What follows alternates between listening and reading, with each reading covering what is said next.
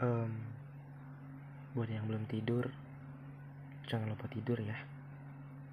Semoga mimpi yang baik. Dadah.